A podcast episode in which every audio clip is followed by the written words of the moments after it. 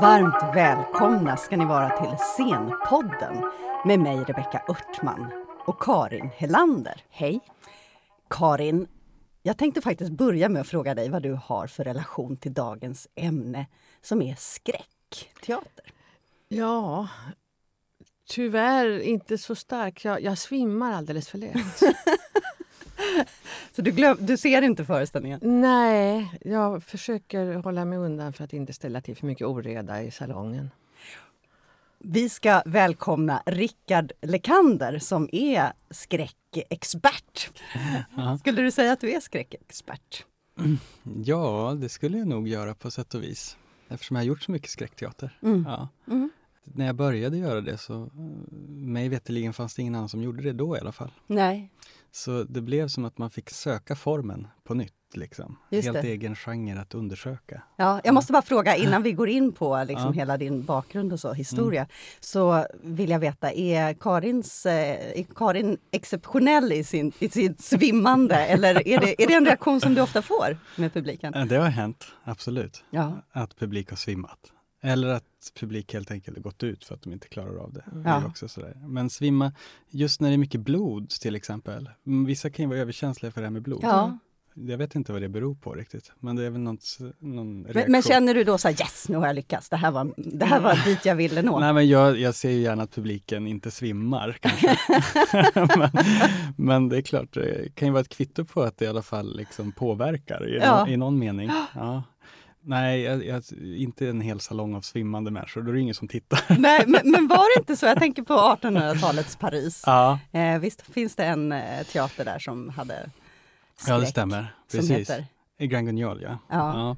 Jo, precis. Där, där förekom det att folk svimmade. Eh, det var ju ett, eh, ett gammalt kapell i, i Paris, då, i Montmartre, som då var ett nedgånget område som eh, då en före detta polischef mm. eh, tog över och gjorde till teater. Och då började de liksom iscensätta eh, autentiska mordfall som hade skett i stan.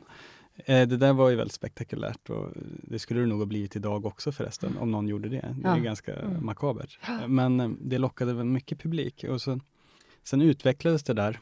Det var mycket korta pjäser, mm. de finns ju bevarade. Men det kunde vara liksom upp till 12 enaktare på en kväll. Och sen varvade de. Eh, de kom på det där, det finns ett manifest då eh, som jag studerade och försökte göra om till modern teater på något sätt. Ja. Men alltså det, på 1800-talet fanns det ett ja, manifest om mm, hur man gjorde skräckteater. Den här gruppen i Paris mm. skrev mm. den. Ja. Och det där, sen startade en Grand Guignol teater i London också. Eh, ja. på tio, kan du säga det långsamt bara? Vad heter det? Grand... Alltså jag är dålig på franska. franska. Vet du hur man uttalar det? Grand Guignol. Ja, Guignol. Ja. det var, mm. tänker jag. Guignol. Mm. Mm. Ja. Precis. Ja. Bra, för jag, jag, jag, tänkte så här, jag låter dig säga det, för jag är inte, ja, nej, franska är inte heller min bästa gren. det är inte min gren. Ja, men den utvecklades då också på 10-talet i London, så startades den till, en filial eller vad man ska säga, mm. som också höll på med det här. Då. Vart var jag någonstans? Alltså, jo, en... Så Paris och sen fanns det i London. London. Mm. Ja. Manifestet var det på. Manifestet, ja mm. just det. Jo, de skrev ett manifest eh, kring hur man skulle göra spänning och skräck. Och en del var ju att man skulle, eh, man skulle eh, få ner garden på publiken helt enkelt. Mm. Så därför varvade de till exempel en komedi med någonting jättehemskt.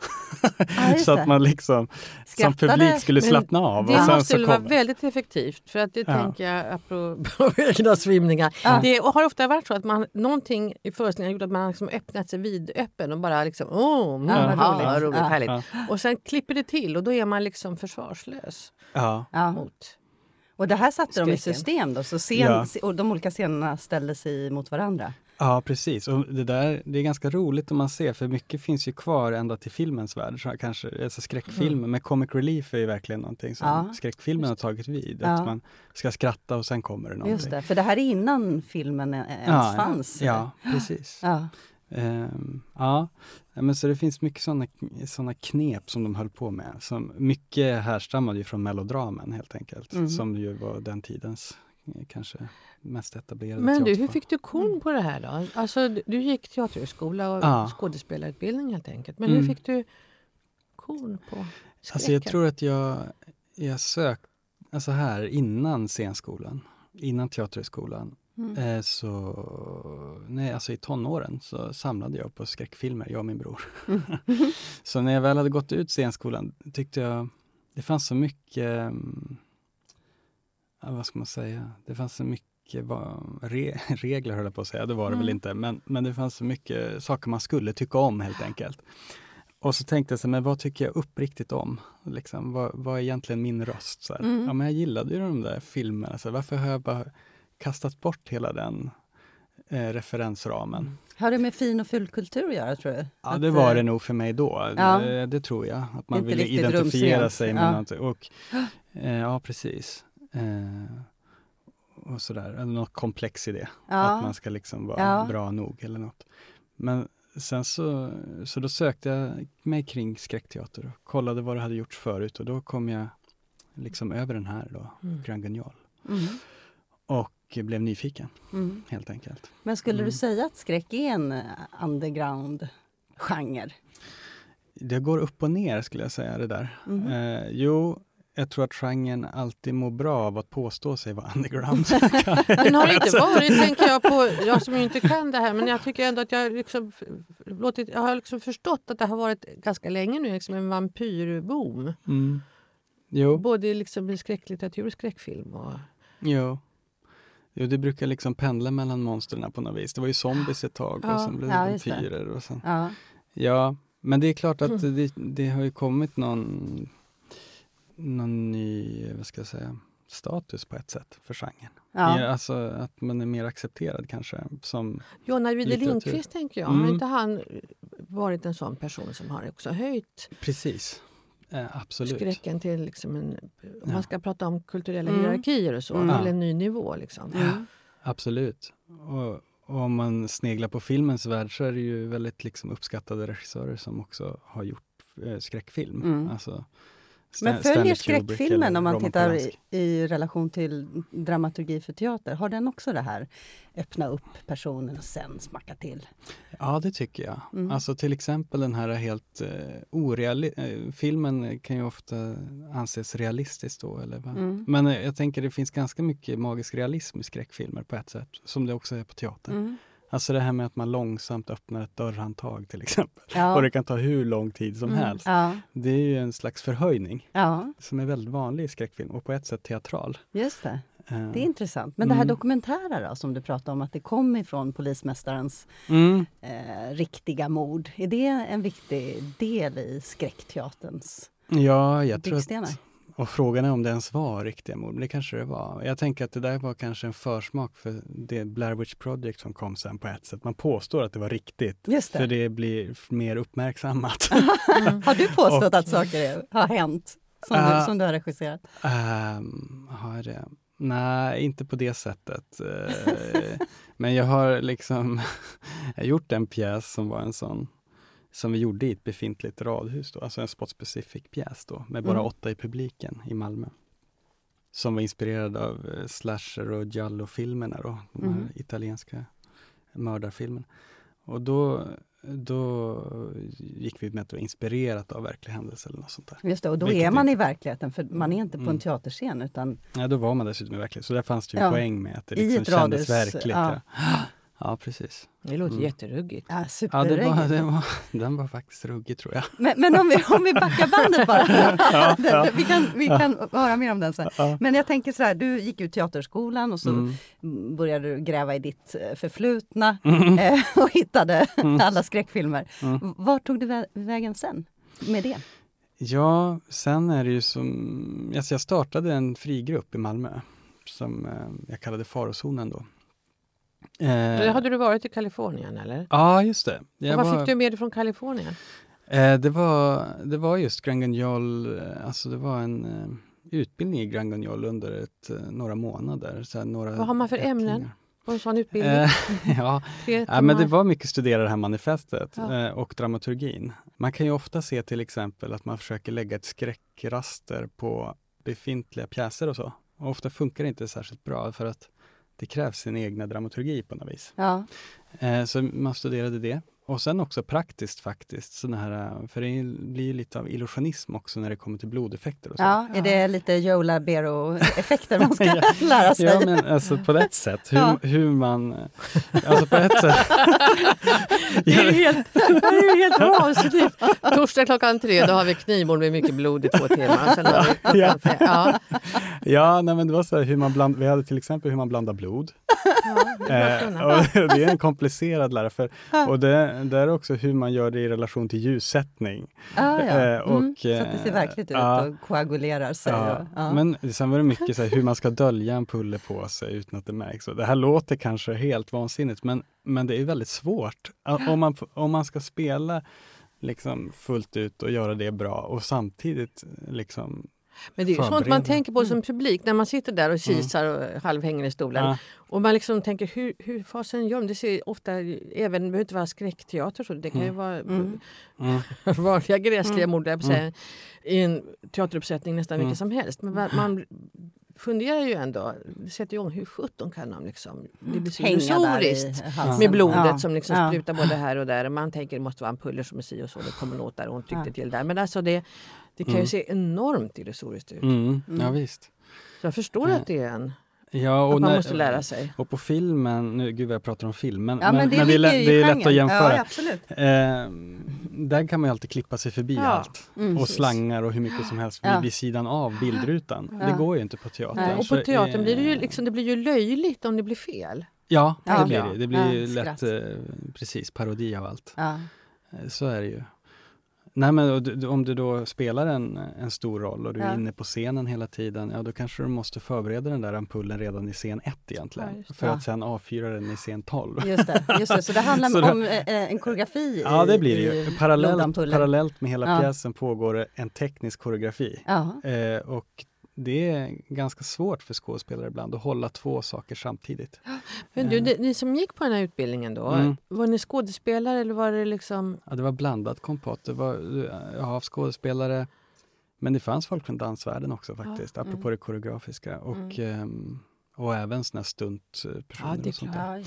Men, men eh, sen var det inte bara det såklart. Det handlade också mycket om liksom, rumslig komposition och det är någonting som jag har eh, verkligen blivit ny, alltså försökt utveckla. Ja. Så hur man berättar eh, stämningar och atmosfär via rumslig komposition. Mm. Det låter kanske flummigt men, men det handlar väldigt mycket om att komma åt en eh, stämning helt enkelt. Mm. Det låter väl som det vore någonting för, för regissörer överhuvudtaget? Mm. Jo, alltså det är ju väldigt viktigt att tänka i bild som regissör, eller kan vara mm. åtminstone mm. om man vill jobba visuellt. Mm. Det handlar ju mycket om, tänker jag, i skräck, det där, vi har pratat lite om magisk realism, men, men lite handlar det om att komma åt det där kanske inte lätt beskrivna, utan mm. det som ligger mellan raderna mm. och det som är skevar lite mm. grann. Och sådär. Det är inte bara Föraningar och hur man bygger ja, upp. Exakt. Det är ju mest det egentligen. Alltså det allra, allra mesta handlar om att bygga upp någonting. Och Men är det ljud då? Eh. Mycket ljud, ja. Ofta ja. mina föreställningar, jag, jag tycker om att ha helt ljudlagda föreställningar, precis som ett underscore mm. som går. Ja. Eh, filmiskt? Ja, filmiskt mm. på sätt och vis. Men också att placera publiken i samma rum som det som händer på något sätt. Ja. För det handlar om att suggerera eller suga in publiken i ett skeende. Där ljudet ju det kan man ju experimentera med med skräckfilm. Stänger man av ljudet så är de ofta ganska dåliga. Ja, det, det blir väldigt kan du inte ge några exempel på hur du har jobbat så med det här rumsliga och stämningsskapande och med ljuden som du har? Någon mm, det kan jag göra. Ja, vi ska tänka på något bra exempel bara också.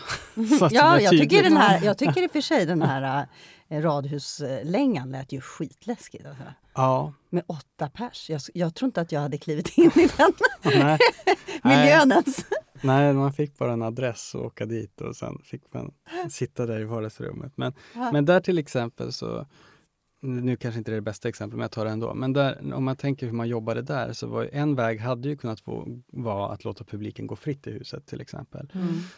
Men eh, det förstod jag ganska snabbt att det, det ville inte jag, för just för att kunna jobba med kompositionen i mm. berättelsen. Så att mm. de satt längs en långsidig vägg med ett panorama fönster mot trädgården. Mm. Och vi spelade då på sommaren så det blev ju mer och mer mörkt sådär. Och mm. mot kvällningen så blev den där panoramarutan som en spegel mot hallen. Mm. Alltså eftersom det blir en sån här reflektion, ni vet va? Så att mer och mer kunde man placera skeenden ah. i det som vi inte såg i början av pjäsen. Och avslöja saker allt eftersom. Sådär.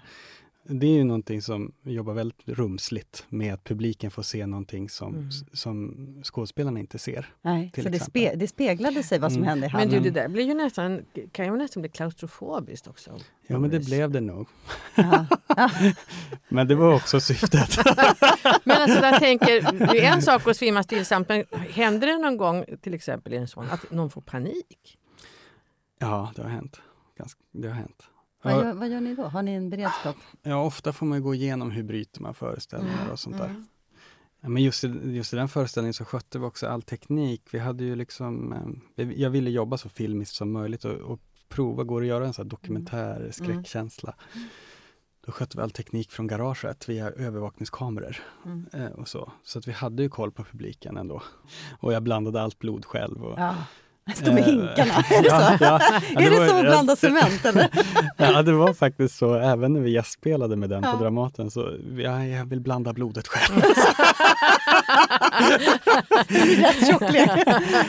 Ja, en töntig parentes i det faktiskt var att för det är en sak när man, vi spelade på Teater Weimar i Malmö som hade 30-40 platser och sen skulle vi spela på Elverket som var någon helt annan, vi kom in på institutionen helt enkelt. Ja. Och eh, någon producent fick nys om att jag hade liksom lite jordnötsolja i blodet för att ja. det var bra när man skulle tvätta bort kläderna att det fanns fett i. Ja, just det.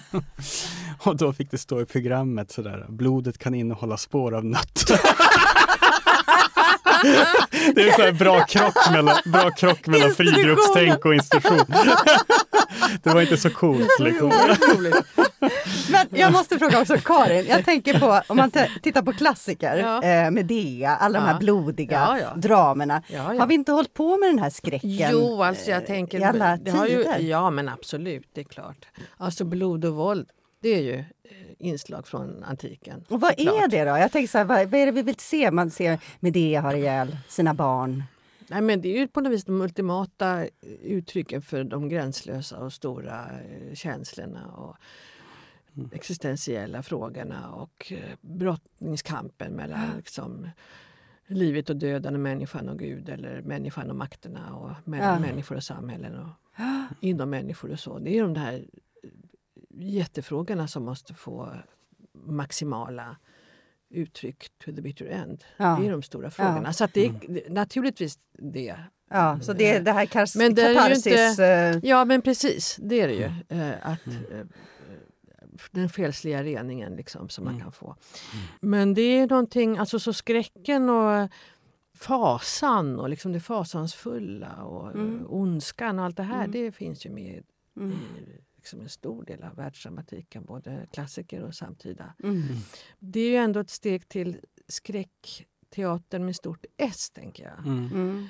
Jag tänkte fråga dig när jag lyssnar på det nu, och det hänger ju lite ihop med teatern överhuvudtaget. Alltså, du måste också, alltså, har du läst psykologi? Får, får man med sig psykologi när man går en sån utbildning? För det mm. måste också handla om vad, alltså en kunskap om vad vilka mekanismer sätter man igång? Var finns liksom smärtpunkterna? Var finns eh, de där mm mm. fläckarna, som, mm. mm. svarta fläckarna i själen som man kan pilla på och peta på. Vad är, vad är vi rädda för? Mm. Uh, hur mm. ser skräcken ut inom ja. oss? Ja, det är väldigt spännande. Jag kan inte säga att jag har studerat det mer än att uh, man alltid varit intresserad av det inom bemärkelse som skådespelare också. Mm. Med, med mänsklig psykologi och, och, och mänskligt beteende. Och, men det, det är intressant det du säger tycker jag, för att jag tror att det där vad vi är rädda för sitter på ett eller annat sätt ofta ihop med våra fördomar. Mm. Eller det okända för oss på något vis. Och saker som man inte vill veta av hos sig själv och så. Mm. Så det är nog egentligen det som är det mest skrämmande tror jag. Men kan man jag tänker också att det finns väl en del tankar som finns liksom i det mänskliga varat och mänskliga villkoret mm. och så. Mm. Men sen finns det ju en del som är tidsbunden skräck också. Jag kan inte mycket om det här men jag vet en en etnolog här på Stockholms universitet, Helena Hörnfeldt, som har studerat barns rädslokultur över tid. Mm. Som också kan se det att liksom de här rädslokulturerna är kulturellt betingade, förändras över tid. Liksom. Mm. Just nu så är barn mest egentligen rädda för klimat. Ja, Mm, alltså det är kollektiv rädsla. Ja, och det, mm. Förut var man kanske rädd för, för liksom, Tjernobyl. Ja, och innan det var man rädd för Näcken. Eller, ja. mm. liksom, konstiga varelser i skogen. Så att det måste finnas både mm. den där liksom, tidlösa, kallar det för, skräcken och sen mm. de kulturellt betingade mm. uttrycken för Visst. skräck. Ja. Hur, hur förhåller du dig till sånt? Och det, jag tänker också, det finns ju saker i vår verklighet idag som är verkligen är gravt skräckinjagande om man ser på hur mm. världen ser ut. Hur mm. förhåller du dig till, till det? Hur jag förhåller mig till? Ja, alltså till, alltså... till det här tidlösa, man tänker, ja. liksom mänskliga mm. villkor som vi alla delar över tid. Och sen det här tidsbundna. Mm. Jag försöker väl förhålla mig till både och på något sätt. Och jag tänker att när man, när man gör en historia så ofta försöker man ju tänka vad vill jag berätta då med den historien. Men jag försöker också, när jag klurat ut det, jag försöker också tänka vad, hur kan man hur kan man skrämma fram det budskapet? Mm. och då måste man twista lite på det. Mm. Så till exempel om du skulle säga klimatångest, mm. hur skulle man göra en skräckhistoria kring det? Det finns ju på ett sätt, eh, man skulle kunna säga att Frankenstein på ett sätt är ju en slags vetenskapsmoralisk mm. skräckis. Ja, ja, så där har man någon slags eh, dramaturgi åt ja. det hållet. Ja. Men man, sen skulle man kanske göra det med någon pandemi som släpptes ut från mm. polarisarna. Eller, alltså, men det går liksom att eh, ja, ta fasta på sådana ämnen men, men lyfta fram det via en skräckberättelse tror jag. Ja, Och vad är vi rädda för, tycker du att du har sett? Vissa blir väldigt rädda för de övernaturliga inslagen till exempel medan andra tycker det är mer läskigt med det som inte är övernaturligt. Ja. Det är ofta en, en skiljedelare. En inbrottstjuv ja, ja, ja, exakt. Men jag tror eh, rädslan för oss själva är nog ändå den som alltid är återkommande. Hur då menar du? Jag menar eh, att man är rädd nu kanske jag svamlar här, men jag, ja, jag men kör på. Vi, vi, vi flummar runt lite så hittar vi rätt. Jag tror det. Nej, men jag tror att men rädslan för att man, för sig själv, alltså saker hos sig själv man inte vill veta av. Vi har ju alla sådana delar tror jag. Ja, Sina, dolda ja, antaganden ja, eller... Man, ja. man vill liksom vara en bra person och sen så har alla brister på något vis. Och det handlar väl det mesta av dramatiken om på sätt och vis ju. Mm. Att det är så. Mm. Det mänskliga felandet eller mm. ens tillkortakommanden. Eller de stora ja. starka känslor man har som ja. man försöker polera och mm. inte erkänna. Ja, precis. Men du tror då, alltså kan skräckteater då ha den, bara en slags verktyg, vad ska jag kalla det för, för att bearbeta vissa rädslor man har? Också därför att på teatern eller filmen, det är ändå där finns en dramaturgi och det är ändå liksom ett konstverk som, gör att, som är kontrollerad, mm. liksom, rädslans uttryck. Mm. Mm. Som gör att man kan bearbeta sina egna rädslor. Ja, Jag tror mycket på det. Jag tror att eh, för att det är en stor skillnad om man pratar om rädsla som klimatångest till exempel. Um, alltså så fort man sätter det i en fiktiv form uh, på något sätt, att vi gör en fiktiv mm. skräckföreställning. Mm så handlar det mycket om att i ett skyddat rum kunna bearbeta de känslorna, mm. tror jag. Mm. Ja, precis. Eh, och, och, kunna ta ut det mm. eller kunna reflektera kring det. Eller att bara sätta, och det är väl det som när vi pratar om att svimma till exempel, mm. där gränsar det ju till till att ju skada sin publik helt enkelt. Mm. Alltså, eller mm. traumatisera. Eller, och det har jag aldrig varit intresserad av egentligen, det där att man skulle göra skada på sin publik. Men, sen, Men däremot ja. att liksom uppleva i fiktionen en oerhört stark känsla av någonting mm. och sen kunna reflektera kring det eller, eller mm. bli starkt påverkad av någonting. Det däremot är ju häftigt. Mm. Men sen tänker jag, jag tänker på till exempel spöktåget. Alltså mm. skräcken är ju också kopplad till, kan ju kopplas till lust och njutning. Det kan jag ju förstå rent. Mm. Mm. Det pirrande, kittlande, hemska som ändå är underbart.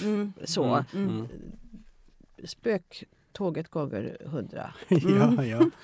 Jo, det oh, finns Sitter du och skriker och oh, jätteläskigt, jag kan inte titta. Oh, ja, ja, det. det liksom måste ju finnas sådana moment också. Ja, absolut. Ja. Jo, men är inte det när de skär så här långsamt? I kroppar, är inte det sånt? Ja. Ja, kanske inte för mig känner jag, men det är så olika. jag tror sådär efter en bra skräckfilm eller en bra skräckföreställning för den delen, ja. om man liksom pustar ut, ja. så är ju det i det lilla en slags känsla av att säga jag överlevde. Eller? Ja, just det. Just det. Nu, går, nu går vi livet vidare ändå. Ja. Och sådär, så det finns ju någon sinnlig upplevelse kring det, absolut tänker jag. Men, men jag måste också fråga, jag, jag tänker så här, 80-talet för mig mm, eh, är ja. ju skräckens liksom, årtionde. Mm. Eh, man tänker på all den hårdrocken som kom och eh, mm. alla de splatterfilmer som, som var. Har vi liksom flera såna epoker i vår historia? som är, Och varför kom den så starkt? Mm. Jag kommer ihåg det var mycket prat om gravplatser som skändades och det var, det mm. var ju stora rubriker man läste när man var liten på, på löpsedlar om, ja.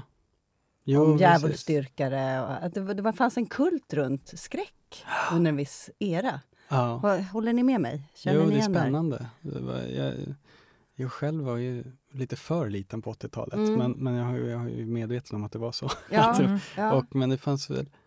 Ja, vad, vad tror du, Karin? Vad, vad kan det här vara? det där. Alltså det kanske är så, jag bara spekulerar här nu, men mm. det kan det vara så att det liksom är en slags om man rör sig i liksom väldigt starka moraliska dogmer på något vis så mm. finns det en, en, motkraft som vill splittra det där och mm. göra något förbjudet för att liksom mm. stå i kontrast till det.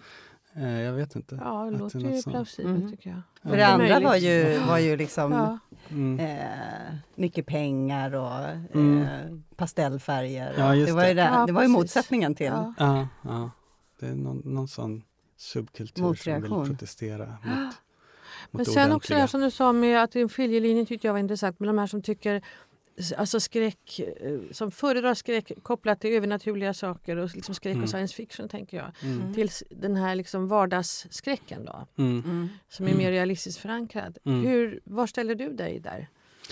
Nej, men jag, jag eh, uppskattar ju både och väldigt mycket. Men, men, eh, och, jag, och mer än så, jag tycker det finns ju fler subgenrer också inom det. Så här, en, ett spår på senare tid som jag varit väldigt fascinerad kring om man tänker då på det här med radhuset, om man pratar om det, då var det väldigt mycket liksom den, den krassa, verkliga skräcken, ja, vad man nu ska kalla det. Ja. Ja.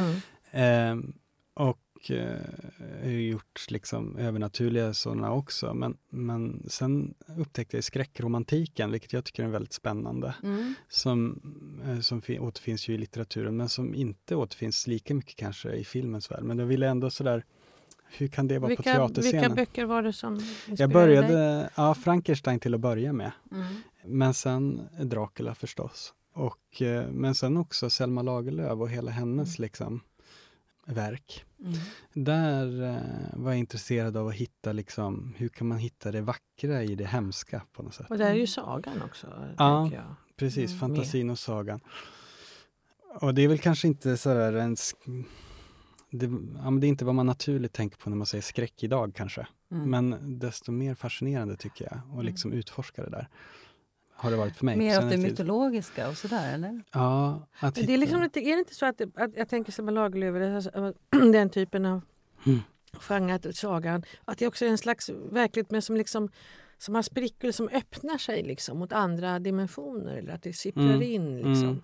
Mm mm. övernaturligheter. Mm. Att det, är liksom, mm. det är tunna hinnor mellan lagren på det sättet. Ja, precis. Mellan verkligheterna. Ja. Mm. Jag tänker att det, det, finns ju alltid ett slags stort tänk om. I, i så här, tänk om det skulle vara så här. Ja, tänk ja, om, tänk om det här skulle finnas. Eller, den är ju en fantasieggande genre på det sättet. Och, så det ligger nära sagan, som ni sa. På mm. ett sätt. Men du, de här stora mytologiska figurerna, alltså jag tänker Frankenstein och Dracula, mm. så, vad betyder de? Och vad, kan du inte berätta lite om dem? Och vad har de för, haft för plats för, i skräckvärlden mm. och för dig? De har blivit så ikoniska, nästan som populärkulturella fenomen, eller vad man ska säga. Mm. Om man tittar på Frankenstein till exempel, så hela den här eran med Bela Lugosi och, och filmerna och Hollywood-eran har ju väldigt lite egentligen av boken kvar mm. i sig. Det finns ju lite, men, mm. men den tar ju väldigt stora friheter från boken. Om du går tillbaka till boken då, vad eh. finns det där? Vad är liksom kärnan? Alltså där är det ju ett, den är, det är en fantastisk bok till att börja med tycker jag faktiskt. Det är en kär bok. Mm. Alltså där, där är det ju en, en slags man, kan se, man kan tolka den på så många olika sätt, den boken. Men på ett sätt är det en uppgörelse mellan människa och Gud på ett sätt. Mm. Alltså så här, hur vi ska förhålla oss till en Gud som kanske inte ens finns. Mm. Mm. och om den finns är grym. Mm. Och vad händer Men, när vi själva blir Gud? Ja, det är ju också ett lag. Precis. Bestämma. Exakt. Eh, men också hela det där mm. monstertanken, sådär att hur mycket är reproduceras utifrån? Hur mycket blir jag ett monster av andras blick? Och hur mm. mycket är det egentligen hos mig själv det föds överhuvudtaget? Hur mm. mycket kan jag själv påverka mm. ens egna handlingar? Hur mycket blir jag den som andra vill att jag ska bli genom mm. att döma mig, helt enkelt? Mm. Genom att eh. fastna i... i liksom... Ja, till exempel Frankenstein då blir mm. väldigt utsatt för fruktansvärda saker för att han är ful helt enkelt och mm. ser hemsk ut. Men det, han genomgår ju en resa där han också blir hemsk för att han blir så förbittrad över att ingen ger honom kärlek. Mm. Men det tar ju ganska lång tid. I, länge i boken så är Frankensteins monster en väldigt kärleksfull Eh, liksom som ett, alltså föds till världen som vilket spädbarn som helst egentligen. Mm, Fördomsfull, mm. naiv, mm. Eh, närmar sig det som verkar fint ja. i tillvaron. Ja. Men allting mm. möter honom med slag på något sätt, eller hemskheter. Eller, och mer och mer så, så blir, föds en avundsjuka kring att andra får ha det som han aldrig kommer att få, det vill säga kärlek. Eller. Det låter ju som en ganska klassisk berättelse eller saga mm. egentligen, i grunden då. Ja, det är det ju på sätt och vis. Det är, sen så, hela sista delen av boken är ju en jakt kan man säga. där, där eh, det, alltså Frankensteins monster gör hämnd på Frankenstein genom att döda alla hans nära och kära. Mm, mm. Vilket försätter Frankenstein, då, vetenskapsmannen, i samma situation som monstret själv har varit i. Mm. Utstött och ensam. Och där slutar ju boken egentligen i en jakt de två emellan, där, det en, där de har någon slags ömsesidigt beroendeförhållande. Mm. att det enda de har är sin nemesis på ett mm. sätt, ingenting mm. annat. Mm. Så det är också en, det är också en berättelse, tänker jag, hur hat liksom förstör allt. Mm. Tills det inte finns någonting kvar. Ja, nu, nu dök vi ner i Frankenstein, men, det, ja, men man kan gott läsa den och man kan läsa den på olika nivåer. För mm. hela det där vetenskapsmoraliska spåret som du pratade om mm. också, kring mm. vad händer när människan blir Gud? Och, mm. eh, eller gör sig till mm. Gud. Mm. Den är ju också väldigt spännande ja, vinkel. Vad, vad har vi för rätt att döma mellan liv och död och vilka som ja. ska få och vilka som ska vara utan? Precis. Jag tycker Mary Shelley var ju långt före sin tid på många plan mm. med den. Mm. Och sen dröjde det långt innan någon kunde mäta sig med den boken tycker jag. Har du gjort någon Frankenstein-föreställning? Ja, jag gjorde den på Helsingborgs stadsteater. Mm. Och vad lyfte du fram då? Um, ja, men då lyfte jag fram just, uh, på, ett, på, ett, sätt skulle man kunna säga att jag lyfte fram det vetenskapsmoraliska tror jag, mm. i det. Mm. Där lät jag också Frankenstein sp spelas av en kvinna då, uh, vetenskapskvinna. För att jag tyckte att det liksom satte fingret på något sätt på ändå Mary Shelleys egna mm. Eh, erfarenheter kring ämnet. Mm. Men ja. ja och Dracula? Dracula, ja precis. Den, den, skulle jag sätta upp på Borås stadsteater förra året men men renoveringen av Stora scen tog så lång tid. ja, den finns kvar att göra. Vad underbart! Ja. Men jag tänkte bara, så här, om man tänker skräckteater, du pratar om byggklossar eller liksom ja. dramatur mm. dramaturgiska eh, element som behövs för att det ska bli skräck. Mm. Bland annat mm. humor. Eh, mm. vägg i vägg med en skräckscen. Finns det andra byggklossar som man, som man gärna ser om man tänker att det finns en genre då som heter mm. skräckteater? Spänning är ju ja. A och O också. Ja. Det är suspens som man säger på engelska. Mm, ja. Alltså, det går inte att skapa något skräckmoment överhuvudtaget om du inte bygger upp det under eh, liksom, varje sak måste ha sin... Det är precis som humorn faktiskt. Mm. Samma, alltså varje punchline ja. behöver sin uppbyggnad. Ja, och så är det med skräck också. Väldigt mycket. Så jag menar, på pappret när man läser mina skräckmanus och sådär så tror jag att Eh, det kan man märka på kollationeringar och så, att skådespelare säger ja men det här är ju ett vanligt dialog. Ja. det, är inte bara, det är inte bara blod och knivar och, och grejer. Men, utan det kommer ju ofta liksom mot slutet. Mm. Ja. För det kräver sin uppbyggnad av, och det är ofta det filmerna gör fel, de här B-filmerna som man ofta associerar till genren, är ju att det inte det finns ingen underbyggnad. Nej. Alltså man känner inte med rollerna, man Nej. vet inte riktigt, spelar det någon roll om de dör verkligen? Nej, alltså. man jobbar med effekter ja, bara. Ja. ja. Så det är jätte, jätteviktigt att man liksom har det där bygget innan. Mm. Men sen fattar man att du jobbar mycket med ljud och med ljus mm. och med stämningar och med vissa tricks också, tänker jag. Va, va, vilka är dina bästa verktyg? Tricks? ja, alltså jag tog mig, jag kunde ta mig en alltså större frihet när jag inte jobbade på institutioner på sätt och vis. Mm. Där det fanns lika mycket, jag menar, man bröt mot mer regler. Ja, ja. Och då var det ju mycket hur man släppte in publik och alltså sådär, att, och nöd, alltså jag menar nödskyltar är det värsta för hela skräckgenren. Ja, för det kompakta ja, mörkret är det bästa. Ofta jobbar man ju det man, det man inte ser snarare än det man ser. Alltså sådär och, och sinnesförvridningar. Ja. Alltså. Då handlar det mycket om att sätta igång publikens fantasi. Ja, jag tänker då, då aktiverar man sina egna dolda demoner. Mm. Då har vi lite olika. Mm. Liksom. Mm. Ja, precis. Men hur är det, kan du gå in som expert i andras föreställningar och, och ja. hjälpa folk? Jag tänker att det är lite som en stuntman. Ja. Man kanske behöver ett moment som är ja. skräck. Um... Ja, det är, det är en av de grejer som jag är nästan mest stolt över mitt CV, det är ja. att jag har jobbat som skräckkonsult. du har det? ja, bara namnet är ja. roligt tycker jag. Ja, jätteroligt. Nej, men det var när de ja. gjorde Låt den rätte komma in på Uppsala stadsteater, så ah. kom jag in och hjälpte dem med dramaturgin i pjäsen lite grann och med eh, effekter och så. Just det, skulle du kunna liksom faktiskt Eh, leva på det? Att vara en sån skräckkonsult? Jag tror att eh, jag inte här i Sverige tror det finns för lite att göra. Mm, men, men, eh, nej, men det är spännande att kunna, kunna bidra. Och ibland, men när man är smal, liksom man håller på med en smal gren, mm. så helt plötsligt så blir det också väldigt snabbt internationellt. Ja. Här, om man verkligen ska skvallra kring sådana saker så till exempel när Tim Burton gjorde Sweeney Todd ja. så ringde han mig. Nej. Nej, du skojar! Det är fantastiskt. Kring, Vi har det här i Scenpodden, kommer du ihåg det? Ja, för att uh, han ville ha koll på Grand Guignol.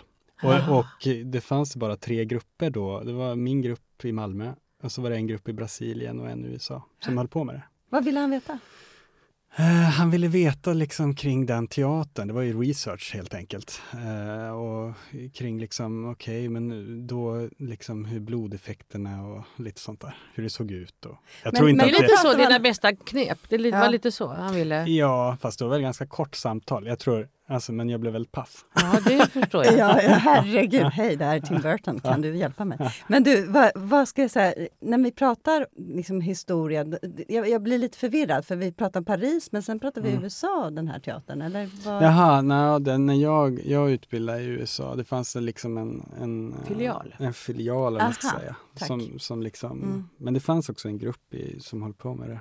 Mm. Men det är ju långt senare. Jag menar, teatern försvann på, jag tror det är 60-tal eller mm. något sånt där. Den mm. höll ändå på så pass länge. Mm. Så det här var någon slags liksom, ja, kurs eller vad man ska kalla det i, i det för mm. de nyfikna. Mm. Och den finns höll, Den hölls i USA. Ja. Men du, jag tänkte också de här, du var inne på det här med mörkret, om man tänker byggstenarna då. Mm. Mörkret, men vad finns det mer för byggstenar eller som mm. verktyg som du, som är, du vet är liksom effektiva? Mm. Ja, men mörker och ljud som vi var inne på. Och, och vilken eh, typ av ljud? Ja, till, jag använder ju väldigt mycket till exempel subbasar. För alltså, så, därför det, det kan få ett rum att skallra till exempel. Alltså det är en sån här mörk, mörk baston som man känner i kroppen. Mm. Alltså om man tänker om man går på diskotek så ja, känner man liksom, ja. oh, alltså det blir en fysisk ja. förnimmelse. Det har jag undersökt mycket. Hur kan jag använda mig av dem? Hur kan jag placera dem under gradäng till exempel? Så att, så att man känner att man liksom rycks med i ett skak. ja, ja. och där, hur det där växer eh, Dels finns det ju chockeffekter också. Det är också en tacksam, alltså man blixtrar till med ljuset på något samtidigt som ett högt ljud. Alltså då får man ju de här skriken. Men om man vill jobba med spänning, då kan man till exempel använda sig av de här subbaserna som växer långsamt med ett skeende som ja. sker parallellt på mm. scenen. Så mycket handlar om timing också, att liksom bygga upp de där crescendorna. Ja i den bästa av världar så, så märker man inte det som publik, för man är så upptagen med det som sker mm. på scen. Mm. Så helt plötsligt märker man bara att man skakar med i någon slags förlopp. Men är det åldersgräns ja. på, på de här föreställningarna? Mm, det har det varit. Ja. 62. Inte, ja. ja, ja, ja, I början höll jag på mycket med det där. Jag tyckte det var roligt liksom att jag, det var, jag varnade så mycket som är möjligt. Ja, alltså, så här, kom det inte, drog kom jättemycket. Inte. Ja, det drog jättemycket. Ja, och så kom tonåringar med falsklägg och sånt där. Det, eh, det var ju roligt. Ja, eller liksom ha tagit sin stora syskons lägg. Och, och Fantastiskt. Får jag komma in? Men det är du som får den unga publiken. Är mm. det så? Alltså, är det annan publik? Tror du, ja, det på vanligt? Jätte, ja, det var också en stor anledning till varför jag ville fortsätta undersöka var att jag märkte att mm. Jag hade väl tur också. Det kom, när jag startade farozonen så var det samtidigt eh, ungefär som Jan Ajvide eh, liksom slog igenom ordentligt, mm. tror jag. Mm. Och, och de här Twilight-böckerna och de här. Det. Så det fanns liksom en nyfikenhet. Jag märkte att det kom väldigt mycket unga vuxna och tonåringar självmant. Så mm. Inte skolpublik utan mm. de kom liksom i kompisgäng mm. som ville bli jag tänkte, Jag såg på, det var, eller jag vet på det fanns också något inslag i något nyhets, eh, kulturnyheterna eller så. På, de gjorde ju en stor jättesatsning på en Dracula-opera på mm. Stockholmsoperan. Mm. Mm. Och så hade, om det var på genrepet eller när det kan ha varit så hade de öppet för, och då skulle alla vara klädda som vampyrer. Var på premiären till och med. Jag vet inte. Mm. Och då när man tittade i salongen så var det ju fullt med vampyrer. Mm. Men då var, alltså, medelåldern var ju klart yngre än den brukar. Mm. Mm. Roligt. Och det var liksom en, verkligen en helt annan publik. Ja. Ja, vad roligt, det där gjorde vi också 2012 när vi gjorde Gengångare och zombies, jag och Gustav Tegby på Malmö stadsteater. Så, Som så, bygger på Ibsen då eller? Ja, det var en sammanblandning av, det var gengång, Ibsens gengångare fast med zombieraster eller vad man ska säga. Eh, och vi ville liksom göra en, en crossover mellan zombiefilmsgenren och, och Ibsen som var liksom eh, inte parodisk eller parodi utan, utan på riktigt liksom. Tog mm. båda genrerna på allvar. Mm. Men då hade vi till exempel, jag bara komma och tänka på det nu, då hade vi också eh, en föreställning där man fick komma in gratis om man var utklädd. Och det var väldigt fint att se den publiken mm. för att det var Dels fanns det ju liksom Ibsen-publik då. Eh, alltså en, ja, en teaterpublik helt mm. enkelt blandat med liksom sån här zombies. Med liksom hockeyklubbor genom huvudet. Och det var en fantastisk bild alltså, hur intiman i Malmö var fylld av, av båda världarna. Liksom, sådär. Och det fanns faktiskt en det var, väldigt, det var nästan det jag tyckte var mest lyckat med den föreställningen. Du sa att, att den lockade tidigare båda att det var svårt det här med, med skräckraster på klassiker. Mm. Ja, man kan ju tänka sig Macbeth, Shakespeare. Alltså man kan mm. tänka sig att det finns många klassiker, du var också inne på det förut, mm. som man skulle kunna skräcka till alldeles kolossalt om man vill. Ja. Ja, men vi tog fasta på det där syfilis-temat som finns i gengångare ja. fast det fick bli zombiesmitta istället. Ja, okay. mm. Och eh, nu kan jag inte huvudet vad han heter, eh, fru Alvings eh, man, men han var i källaren då. Mm. som ett slags, alltså hela, hela det där lagret finns ju fast det pratas om liksom spöken eller andar. Mm, mm. Det var bara det att de fick synas fysiskt. Ja, just det. Eh, och barnhems, liksom barnhemmet som brinner ner, då kom barnen tillbaka som barnzombies och sådär. Ja, just det. Men du, nu måste jag bara fråga, för du, vi presenterar dig som mm. skräckexperten, men du är ju faktiskt också konstnärlig ledare på Örebro länsteater. Mm. Är det någonting som eh, du genomsyrar teatern med, den här skräckerfarenheten? Eh, nej, ja, både och. Det, det, är det väl på sätt och vis, men, men eh, Örebro, det är också roligt. En gång om året så utkallar sig Örebro till spökstaden. Jaha. Det visste inte jag riktigt innan, men då är det liksom ett stort spökevent i hela, hela stan. så jag tänkte så här, då ska inte jag vara motvalls, då får, jag väl, då får jag väl också gå med i det där. men, eh, men allting är ju inte skräck på repertoaren såklart. Men, men, det, men jag tänker att eh, jag skulle gärna liksom se att man lockar den eh, yngre publiken. Alltså och tänker mm. åt det också. Mm. Just den där som jag beskrev med gengångare, den publiken, det skulle vara ultimat. En blandning av åldrar ja. över gränser. Ja. Så det bär jag med mig ja. till Örebro. För det finns ju också skräckteater som har gjorts för barn, eh, mm. för väldigt små barn. Vi var ju mm. bland annat Karin ja, och såg på Turteatern. Svimmar ni? Eh, nej, nej, gjorde vi verkligen inte. Men det var väldigt härligt att se. Den Publiken var, Ja, de var jätteengagerade. Ja. Det är en vampyrpjäs va? Ja, ja. Uh, Nostra... Nosferatu. Nosferatu, Nosferatu mm. var det. Ja. Mm. Och den var ju och det var fyra nästan sex. skräckmys får man ju säga. Mm. Men, eh, nej, men för att, apropå barn, jag tänkte på det när du sa spökbarn. tänkte jag, ja, mörk, förstår jag alla de här sakerna du har sagt, men finns det vissa barn, yxor, knivar. Alltså finns det vissa mm. element. element som är... Jag tänker barn. Mm, det är läskigt. Det, är läskigt. ja, det, är ju jätte, det kan ju vara jätteläskigt. Ja, det kan det vara. Kanske för att vi associerar dem så mycket med oskyldighet. Ja. Mm. Och, och liksom någonting... Mm. Så, så, så fort man tänker att ett barn vill en illa, onda eller barn. onda barn, då mm. blir det en kontrast eller en mm. paradox ja. som är läskig. Och ofta, ett element är sällan läskigt i sig självt kanske. Mm. Men om man däremot krockar det med någonting annat. Mm. Men finns det författare som, som skriver dramatik, alltså skräckdramatik, som är experter på det? Eh, nej, finns det några stora namn? Nej, alltså det, det, jag har inte hittat det i alla fall. Nej. Men det finns ju de som har gjort försök. Men jag och Gustav Tegby har jobbat mycket ihop. Ja. Men vi fick ju liksom på ett sätt uppfinna hjulet lite grann. Liksom.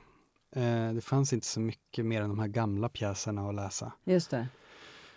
Men har man, jag tänker i filmen det... är väl ofta mm. eh, en kvinna huvudrollen i skräckfilmer. Och, mm. alltså det finns någon sån här, mm. har ni, ett recept. Liksom. Ett recept. Har ni, är det något som ni också har i era? Nej, jag, snarare har man velat bryta mot vissa sådana där saker kanske. Mm. Alltså man har försökt tänka lite mer eh, liksom i eh, inte lika könsstereotypt till exempel, mm. som, som kan finnas i filmens värld. Mm. Sådär. Um, jag vet men. inte, hörde du Mats Strandbergs sommarprat? Nej, tyvärr inte. Nej, lyssna på det. Det kan mm. vi ge som ett tips faktiskt. För ja. Han pratar just om skräckfilmen mm. och skräckgenren. Ja. Ehm, det var, eh, ja, även en fördjupning i... Precis, så då, så, han, han eh, pratade då om, för tänkte jag fråga dig, mm. vad säger skräcken om oss just nu, apropå det här med tidsbundna? då hade han en teori om att, att nu i skräckfilmen handlar mycket om hotet inifrån liksom den lilla världen, från kärnfamiljen. Mm. Mm. Som man såg som en slags mm. reaktion på nykonservatismen och sådär. Mm. Uh, är det någonting som du, mm. eller vad, om man frågar dig samma sak, vad, vad kommer skräcken handla om nu? Var kommer den ifrån nu? Tycker du? Mm, ja. Vad säger skräcken om oss just nu? Så var frågan. Mm. Mm. Nej, jag tror att uh, det är nog helt riktigt det han sa där faktiskt. Mm. Det är intressant. Uh, jag har inte tänkt på det så, men det, är nog, det stämmer nog. Jag tror också det som du sa förut, det här med klimatet och klimatångesten. Det tror jag att mm jag tror inte det är en slump att zombiegenren till exempel kommer tillbaks liksom, mm. och har gjort det ganska länge. Mm. Jag tror att det är någon slags känsla av, av maktlöshet i en stor kraft eller en mm. stor... Liksom, mm. det, det, tror jag också vi kommer att se mycket av. Han pratar också om rättvisa, har jag för mig. Att det var, handlade om mycket det här med att man... Mm. Ja, att det den som är utstött som sen blir hjälten. Mm. Eh, och att man Utanförskapet? Efter, utanförskapet, mm. att inte alltid den populäraste killen eller populäraste mm. tjejen som, eller sällan de som faktiskt klarar sig i såna här skräckberättelser, mm, utan ja. att det är liksom nörden. Ja, alltså. att, den som ingen tror på, och att, att det var, var någonting som liksom, han tog fasta på. Tycker det är en fin... Ja, det säger någonting om upphovspersonerna också. Ja, ja precis! Vilka som, vilka som. Vem identifierar man sig med? Ja. Ja, nej, men så är det ju. Absolut. Känner du dig som en outsider? Har du, har du den erfarenheten? Absolut, jag menar på det sättet. Men det tror jag många i teatervärlden kanske, på olika sätt. Jag menar att man var mobbad en tid i livet och, och också sådär att jag tror att det, teatern lockar till sig outsiders på ett eller annat sätt. Så mm. det, det, tror jag. Och också i teatern har jag också upplevt mig som en outsider på sätt och vis. Alltså när jag började med det här till exempel, med skräck, så var ju det Alltså jobba med sin, sinnliga saker eller jobba med atmosfär eller teatermagi. Eller, alltså det var ju så ute så att mm. folk trodde ju, mm. man blev utskrattad helt ja. enkelt. Ja. För allting skulle vara mm. dekonstruerat och mm. krasst och, och liksom mm. Verkligheten. Och verklighet politiskt och alltså, vet, så här. Ja, så det, på det sättet kände jag mig nog som en outsider. Ja. Att jag, liksom, jag, jag, var intresserad av atmosfär och sinnliga föreställningar. Mm. Vad, blir du, vad, vad är det läskigaste du har sett? Vad blir du själv rädd för? Eh, jag, jag blir för det första oerhört rädd. Alltså jag blir sådär Alltså det kan hända på repetitioner också, vilket är väldigt pinsamt. Är att, jag, att jag liksom måste blunda. så att skådespelarna bara, såg du det här nu? Uh, ja, ja, ja, jag såg mellan fingrarna, men nu går vi vidare. uh, men, uh, så att man lever mig in liksom.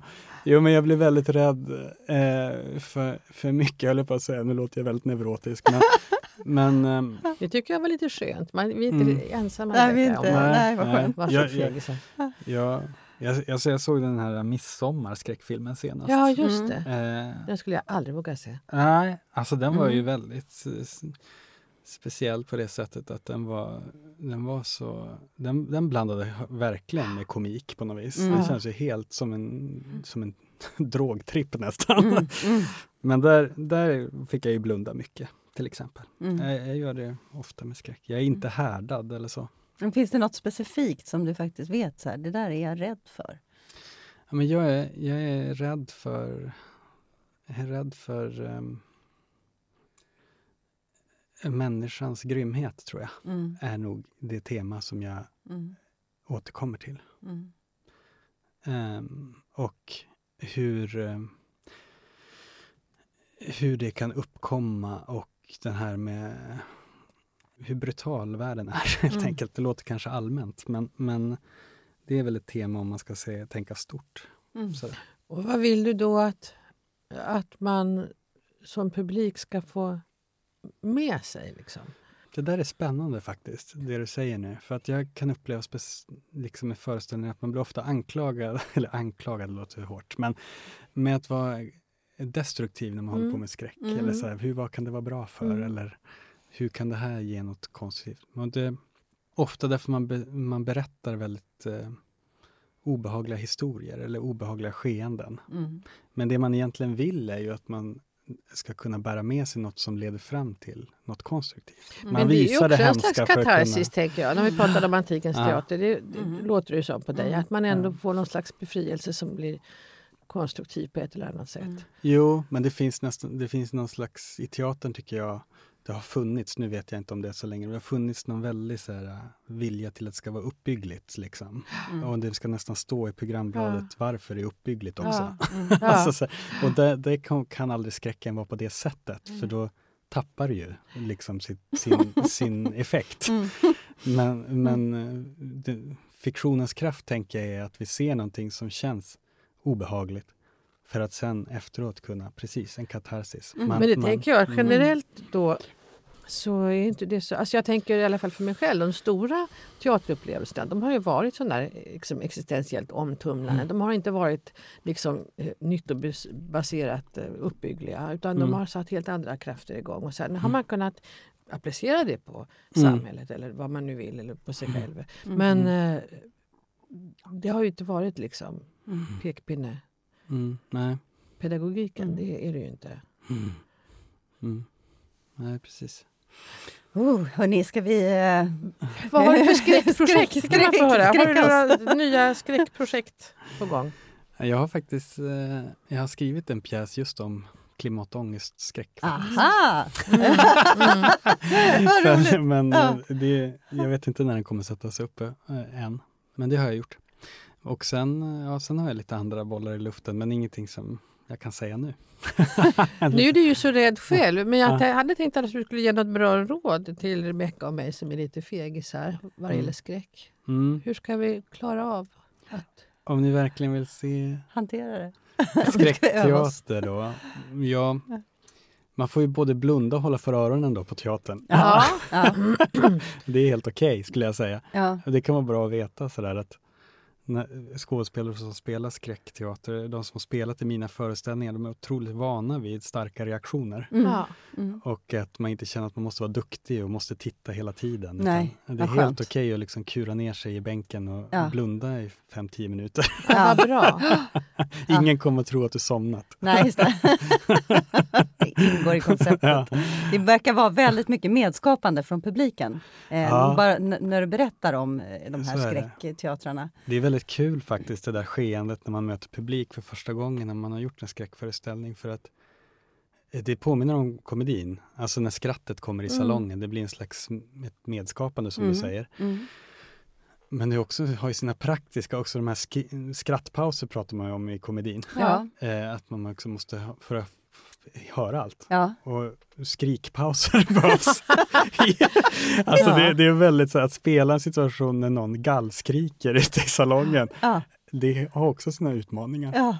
Mm. Så då måste man göra den där lilla konstpausen innan man kan skära vidare. Ja, visst, exakt, exakt så är det. Men du, jag måste en fråga till. Alltså, har du varit med om att du har misslyckats med något skräckmoment och tänkte det här kommer bli jätteläskigt och så bara faller det helt platt? Ja, men jag kan säga, jag kan, jag kan säga om jag, jag måste ju ödmjukt säga att jag, det finns föreställningar jag inte helt har lyckats med. Alltså, tycker jag. Alltså så där det har varit det är, hela, det är en så otroligt oironisk genre. Mm. Alltså så fort det kommer in någon slags distans i det så blir det ju dåligt. Mm. Kan jag säga. Och det där, samtidigt har det funnits liksom en slags... Det, är ganska, har varit ganska vanligt kan jag säga att man har ironiska inslag mm. i föreställningar. Mm. Som jag kanske har tänkt att säga, men det där borde jag ju få in i mitt också för att jag ska vara duktig. Mm, ja, just det. Får visa och, och bli har... omtyckt och ja. att visa att jag är min sanning. Också, också också, jag är också med ja. på den här trenden. Ja. Men det blir ju inte så bra. Alltså. Faktiskt. Och då har jag liksom, men då har jag på ett sätt svikit mig själv, så det är väl det som är grejen. Mm. Att jag har misslyckats genom att inte tro på det helt och fullt. Eh, och moment, moment kan ju gå fel, så är det ju. Alltså rent så i mm. föreställningar. Mm. Mm. Och då, då märks det direkt. Det är lika avslöjande som komedin på sätt och vis. Mm. Alltså, man märker direkt när det inte funkar. Det gör det inte alltid, men det, det, jag gillar på ett sätt att hålla på med en genre som är så lätt, som är bräcklig på det sättet. Att, att det inte... Man måste på något sätt hoppa över skamtröskeln och mm. försöka. Mm. Mm. Ja. det finns ingen annan väg. Nej, det är nog så. Mm. Tack Rickard Lekander för att du kom till Scenpodden och berättade. tack för att jag fick komma, vad roligt det var. Ja, det var väldigt tack. roligt. Stort tack. tack Karin. Tack själv. Ni möter oss igen om ett par veckor, då med en ny spännande gäst. Missa inte det.